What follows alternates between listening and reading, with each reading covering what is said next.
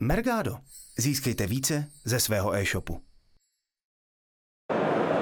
Tak dobrý deň Filip, ja vás vítam na Rešuperi v našom improvizovanom štúdiu. A poprosím vás rovno, keby ste sa mi predstavili, kto ste, za koho tu dnes ste. Uh, tak já jsem Filip Odstavec, aktuálně jsem vlastník Marketing Mindu a jsem tu vlastně dneska i za Marketing Mind. Mm-hmm. Vlastně posledních asi tyjo, snad 11, 12 let, já už ani nevím kolik opravdu, jo. ale myslím si, že něco kolem 11, 12 let se vlastně věnuju online marketingu, primárně se specializací právě na SEO. Mm-hmm. Takže co Marketing Miner vlastně robí? Marketing Miner to je takový švýcarský nůž online marketáka, který potřebuje data. Mm-hmm. Jo, většinou to funguje vlastně tak, že přijde nějaký marketák, řekne, já mám tady nějaký vstup a potřeboval bych ho rozšířit třeba o já nevím, ohledanost nebo o nějaký informace třeba o té URL nebo vyextrahovat nějaký data nebo něco podobného. A vlastně marketing miner funguje tak, že si ten uživatel jenom zakliká, co k tomu vlastně chce a my jsme schopni mu to vytáhnout. A teď vlastně ještě v poslední době právě přibyla uh, nová funkcionalita, která si myslím, že je výborná právě i pro začátečníky a to jsou vlastně nový profilery. Mm-hmm. A ty fungují tak, že vlastně my máme nakrolovaný obrovský dataset. Třeba pro Českou republiku je to asi 2,1 milionu uh, hledaných klíčových slov. Mm-hmm. Ke všem vlastně stažených prvních 100 výsledků vyhledávání. A těm uživatelům vlastně jenom na to, že tam vloží třeba nějakou doménu nebo ukážou nějak, nebo si řeknou nějaký klíčový slovo, tak jsme schopni opravdu vrátit nějaký komplexní informace třeba o tom, na jaký dotazy ta doména inzeruje, na jaký dotazy ta doména je vidět a podobně. Kde vlastně se to dá docela dobře použít k tomu, že se třeba vytvoří nějaká jednoduchá srovnávací analýza vlastně toho vašeho webu oproti třeba konkurenci a jako hromady dalších věcí. Takhle asi jako ve zkratce, když bych to měl opravdu jako schrnout. Takže keď som nováčik a zapnem si Marketing Miner, tak čo sú nějaké prvé tři kroky, které musím urobiť? Uh, ono jsou tři kroky, které by nováček měl udělat a jsou tři kroky, které nováčci dělají. Mm-hmm.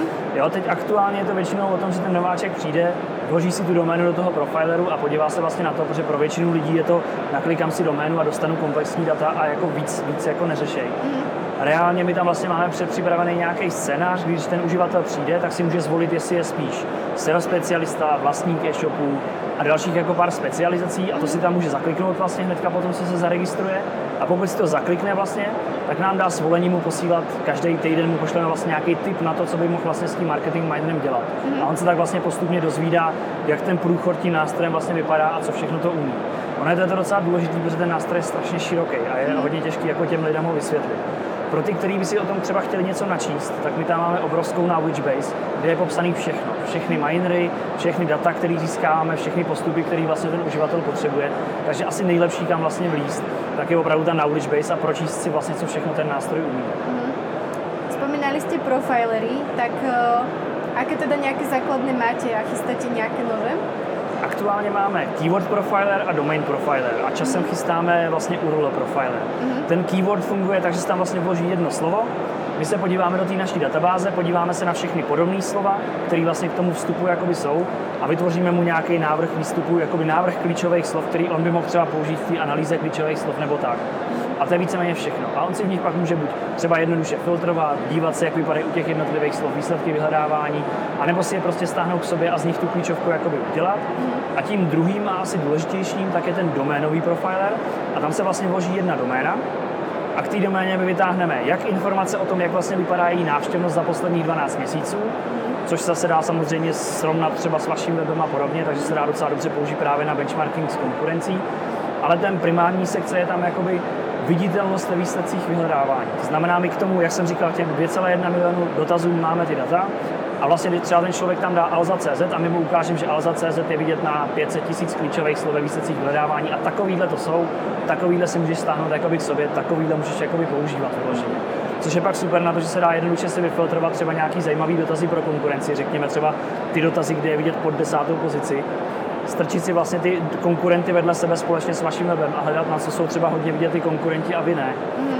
Ty doménové profily jsou ještě mnohem širší, ale to tu asi nebudu jako zdržovat. Jenom úplně ve zkratce analyzujeme i to, na jakých technologiích je postavený ten web. To znamená, jsme schopni učit, na jakým CMS běží, jestli na jakých technologi- jaký technologie mu tam běží, jestli má nasazený nějaký měřící nástroje a další jakoby věci. Plus ještě dokážeme učit, jaký další weby vlastní ten samý člověk. A to je fakt radši ve zkratce, ale to je hrozně, hrozně široký. Um, koľko treba trvá nějaká ta základná analýza, alebo ak se to dá odhadnout?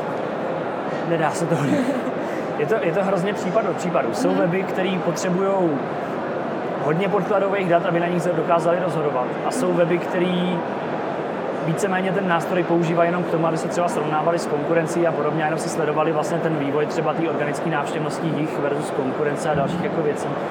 Je to hodně o tom, kdo to používá. Jo. Pokud bychom se bavili o jako SEO specialistech nebo těch SEO agenturách, který ten nástroj aktuálně vytěžují asi nejvíc, tak by toho bylo strašně moc. Jako reálně aktuálně má Marketing Miner, co se týká jenom jednorázových analýz, tak má 42 různých minerů. To znamená 42 různých typů získávaných komplexních jakoby dat. Jo. Pro představu, jeden z těch minerů je prostě ta pozice ve výsledcích vyhledávání, jeden je třeba hledanost těch klíčových slov, jeden je třeba prvních 10 výsledků vyhledávání, jeden je, jestli je ta URL zaindexovaná. A takových je tam 42. A ty opravdu jako pokročilejší lidi to umějí využít fakt komplexně.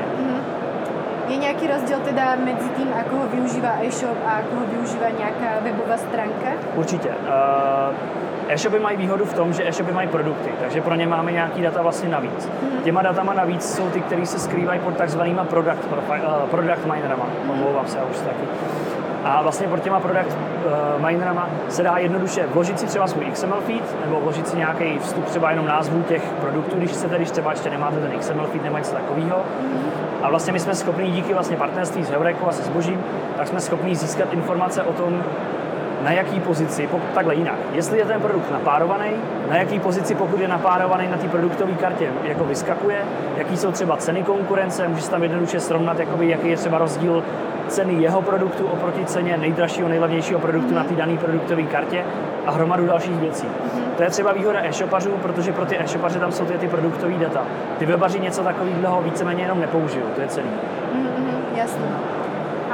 Je nějaký rozdíl, alebo ako to teda funguje? Nějaká platina, neplatina verzia, ako s tím můžu pracovat? Eh, máme neplacenou verzi doživotně zdarma, není potřeba žádná karta, nic, stačí se opravdu jako zaregistrovat, ale ty data jsou tam v nějakým omezeným formátu, to znamená třeba u těch profilerů nevidí jakoby všechny data, třeba těch 100 000 slov nebo něco takového, ale vidí prvních 10 slov jenom a pak už by si musel jedně jakoby zaplatit aspoň ten nejnižší tarif, aby s ním mohl pracovat.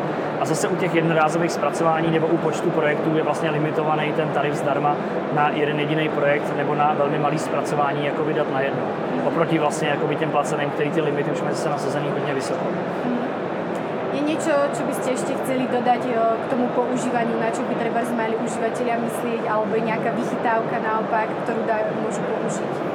teď ta vychytávka jsou nejvíc asi ty profilery. My jsme z toho popravdě strašně nadšený, jako, že mhm.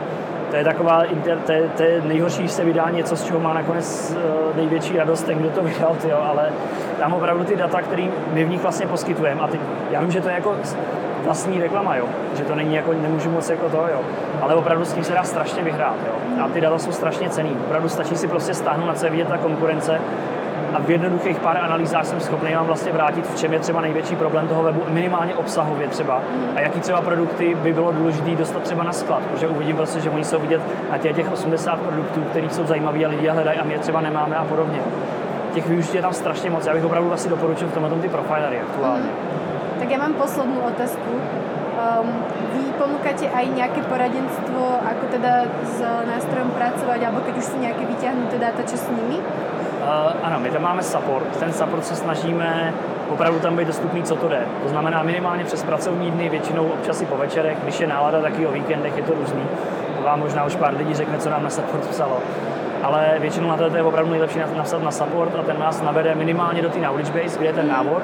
A nebo pokud jde třeba o tu analýzu dat a podobně, tak vám může pomoct s tím, jak vlastně vyhodnotit ty data, které z toho, z toho jako vypadly, nebo jak třeba použít ten export, který byl právě v těch profilerech. Mm-hmm, super. Tak já děkuji za rozhovor a ještě si užijte Rešuper. Děkuji.